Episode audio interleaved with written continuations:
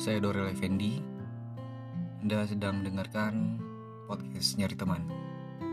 Sebelumnya aku mohon maaf karena suara aku mungkin terdengar serak dan tidak enak didengar. Karena kondisinya sekarang aku lagi kurang enak badan. Tapi ya karena aku takut ide aku nanti hilang dan lalai terus dalam menyampaikan ide ini artinya aku memutuskan untuk menyampaikan juga melalui podcast ini walau kondisi suaraku dan badan tidak lagi fit. Tapi tidak masalah ya. Mudah-mudahan nanti substansinya tetap dapat. Nah episode ini sebenarnya lahir dari satu keresahan yang akhir-akhir ini sering banget aku rasakan. Di mana-mana, rata-rata circleku, teman-teman, baik itu di dunia kampus, di luar, di mana pun itu ya, rata-rata perbincangan mereka itu tentang nikah dan membangun keluarga. Disclaimer dulu, aku bukan tidak suka teman-teman membahas itu ya tapi pada kali ini ada fenomena yang di mana ini menjadi keresahan aku dan ternyata menjadi keresahan beberapa orang juga gitu ya. Ketika diskusi tentang pernikahan dan membangun keluarga itu terus-menerus dilakukan dan tidak dilakukan secara konstruktif gitu ya. Maksudnya ya ngomongin nikah bahkan ada yang terkesan kayak bercanda gitu dan sebagian besar orang juga yang aku lihat lagi halu-halunya gitu ya. Membayangkan betapa indahnya nikah kemudian indahnya membangun keluarga tentang tipe pasangan mereka dan semacamnya. Bahkan di beberapa waktu lalu ya masih suasana lebaran ada undangan halal bihalal gitu. Dan ada keterangan bagi yang berkeluarga membawa ataupun memakai baju ini. Nah, ada yang belum berkeluarga nih, komen dan bikin status di, di Instagram apa di WA gitu ya. Eh, apa? Untuk ini bagaimana nih kami yang belum belum berkeluarga gitu. Nah, aku nggak tahu ya apakah memang orang-orang semacam ini memang kebelet mau nikah atau gimana yang kita nggak tahu ya itu tergantung individu dan pribadi masing-masing yang aku salahkan bukan yang aku salahkan ya yang aku sayangkan adalah ternyata banyak loh orang semacam itu sehingga diskusi yang beredar di lingkungan aku khususnya itu kurang lebih semacam itu gitu ya. Bahas nikah. Yang yang kadang itu nggak nggak substansial. Yang kadang ya tadi yang aku bilang itu terkesan main-main. Kenapa sebenarnya aku merasakan ini ya? Itu muncul pertanyaan itu ya toh kita sebenarnya ya ya udah tinggalin aja atau apa gitu misalnya. Ini beneran aku rasakan pada diri aku sendiri. Awalnya diskusi tentang nikah dan membangun keluarga dan semacam-semacam itu gitu ya. Uh, aku sangat bukan sangat tidak suka ya tapi apaan sih kok bahas ini gitu di awal-awal.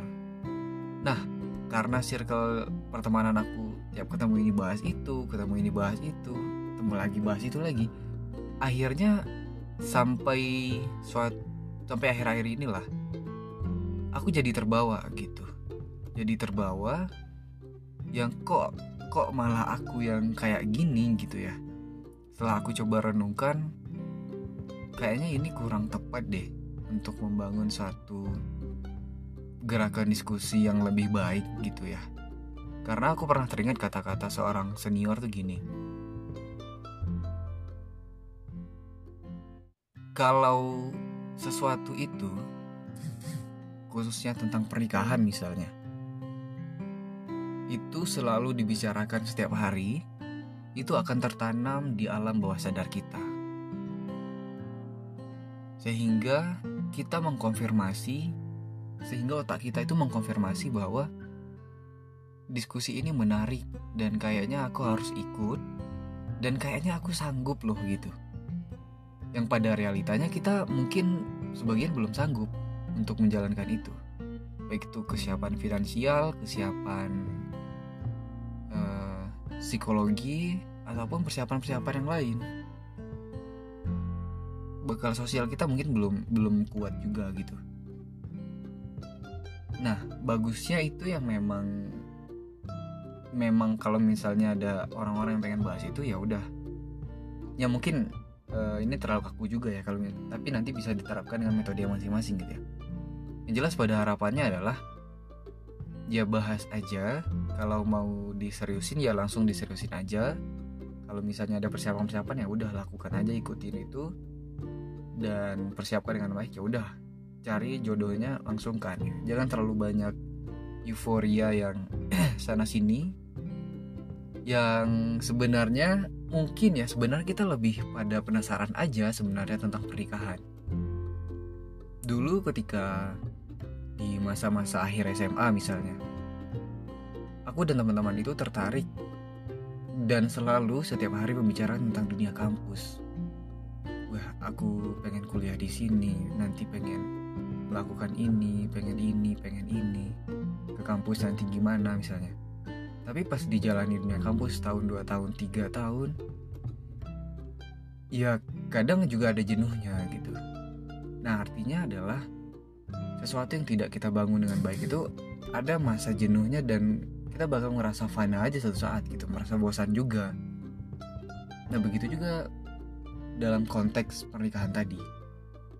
Sekali lagi kalau misalnya kita aku dan teman-teman yang ada di sini yang sedang mendengarkan ini serius untuk pengen menjalankan suatu pernikahan ya udah. Monggo digaskan monggo dijalankan dipersiapkan dan mudah-mudahan dilancarkan gitu. Amin.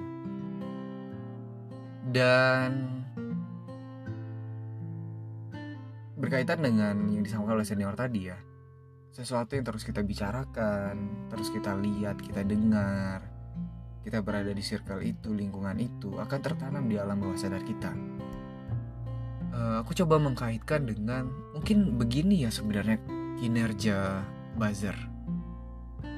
Jadi kan buzzer itu kerjanya adalah setiap hari melakukan campaign gitu ya. Setiap waktu mereka punya mungkin punya periode masing-masing baik itu dalam konteks pemerintah ya yang pro dan kontra dengan pemerintah ataupun untuk suatu perusahaan.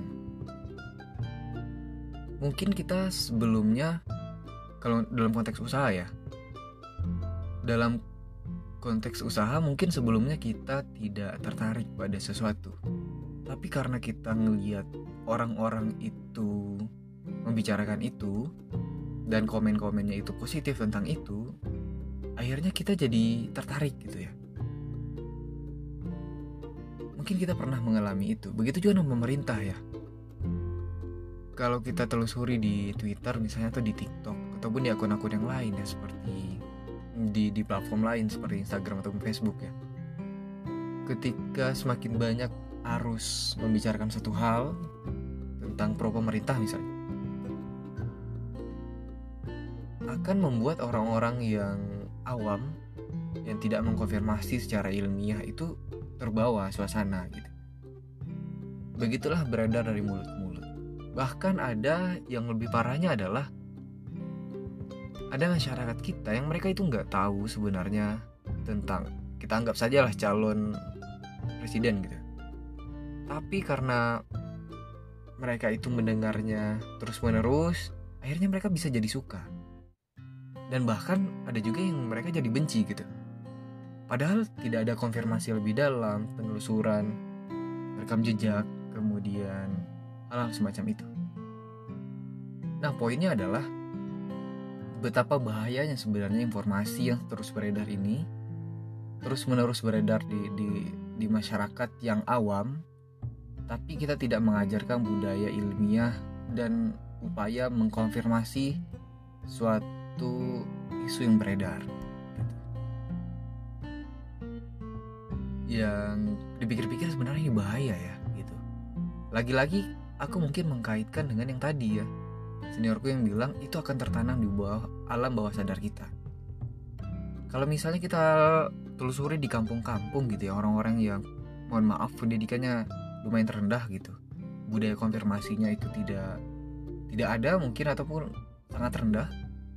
Bahkan yang lebih buruknya adalah adanya fanatisme gitu ataupun pembelahan yang terjadi di masyarakat.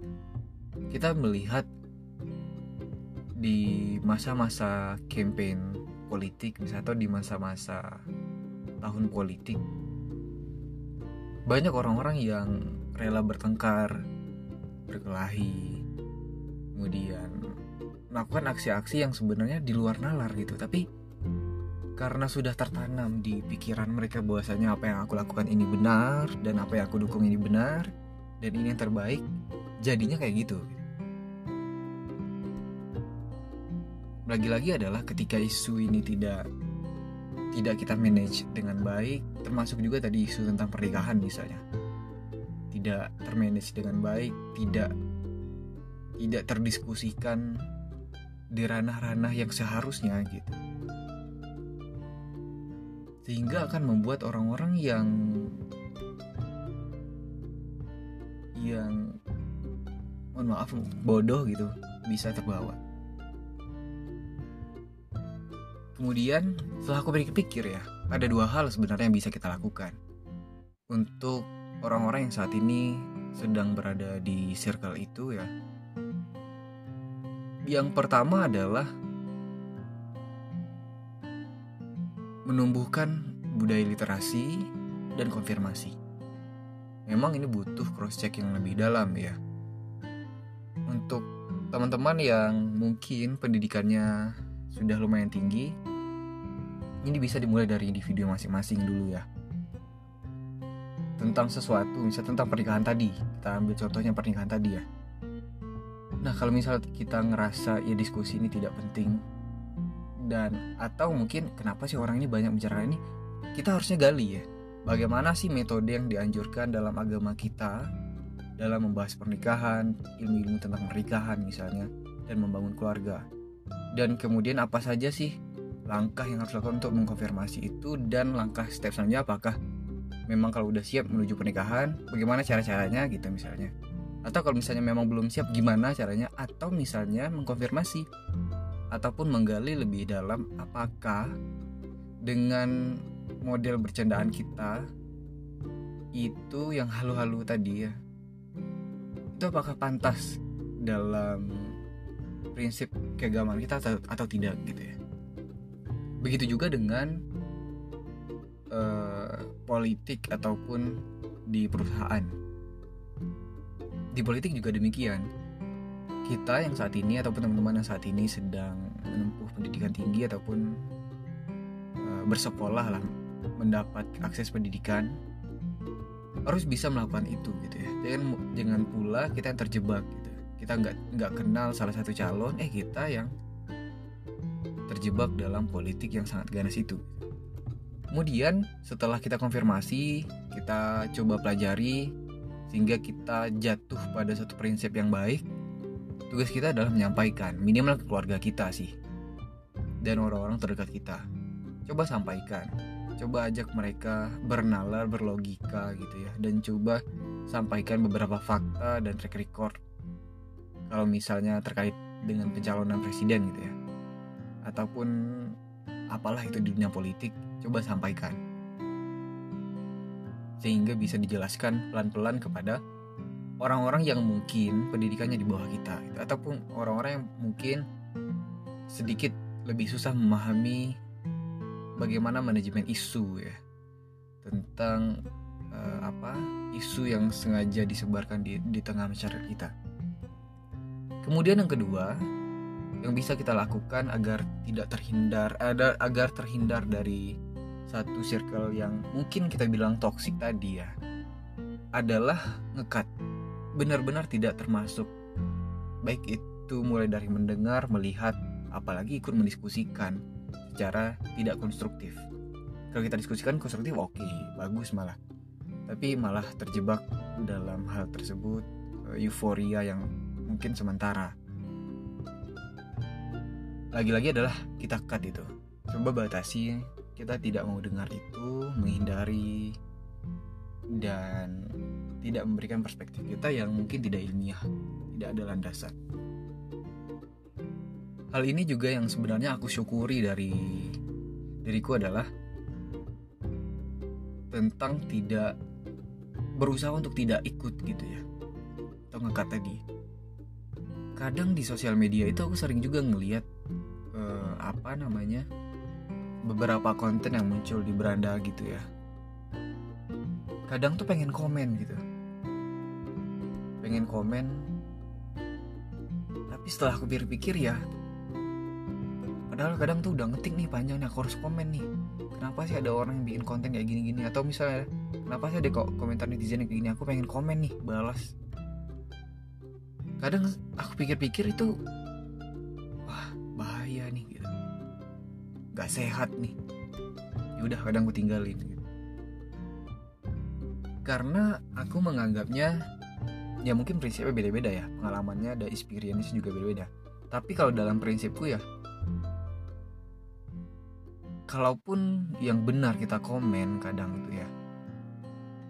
Kalau kita tidak menyampaikan dengan baik malah ngebuat orang-orang yang kita coba komentari itu membalas komentar kita dengan lebih pedas lagi.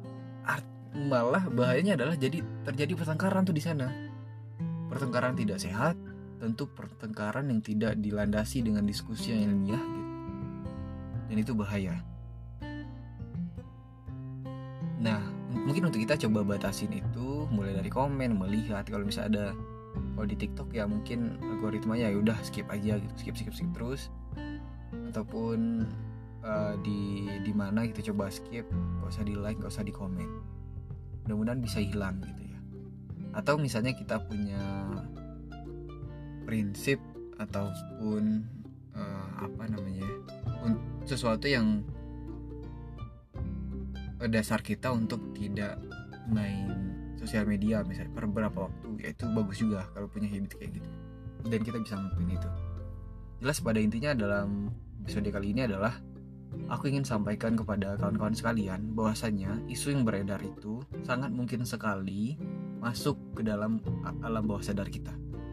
Masuk ke dalam pikiran kita masuk ke dalam otak kita yang nanti akan disampaikan ke seluruh tubuh kita oleh otak kita informasinya sehingga seluruh tubuh kita itu melakukan sesuatu yang diperintah oleh otak kita. Coba batasin itu untuk hidup kita lebih baik juga yang lebih sehat juga secara mental dan psikologi.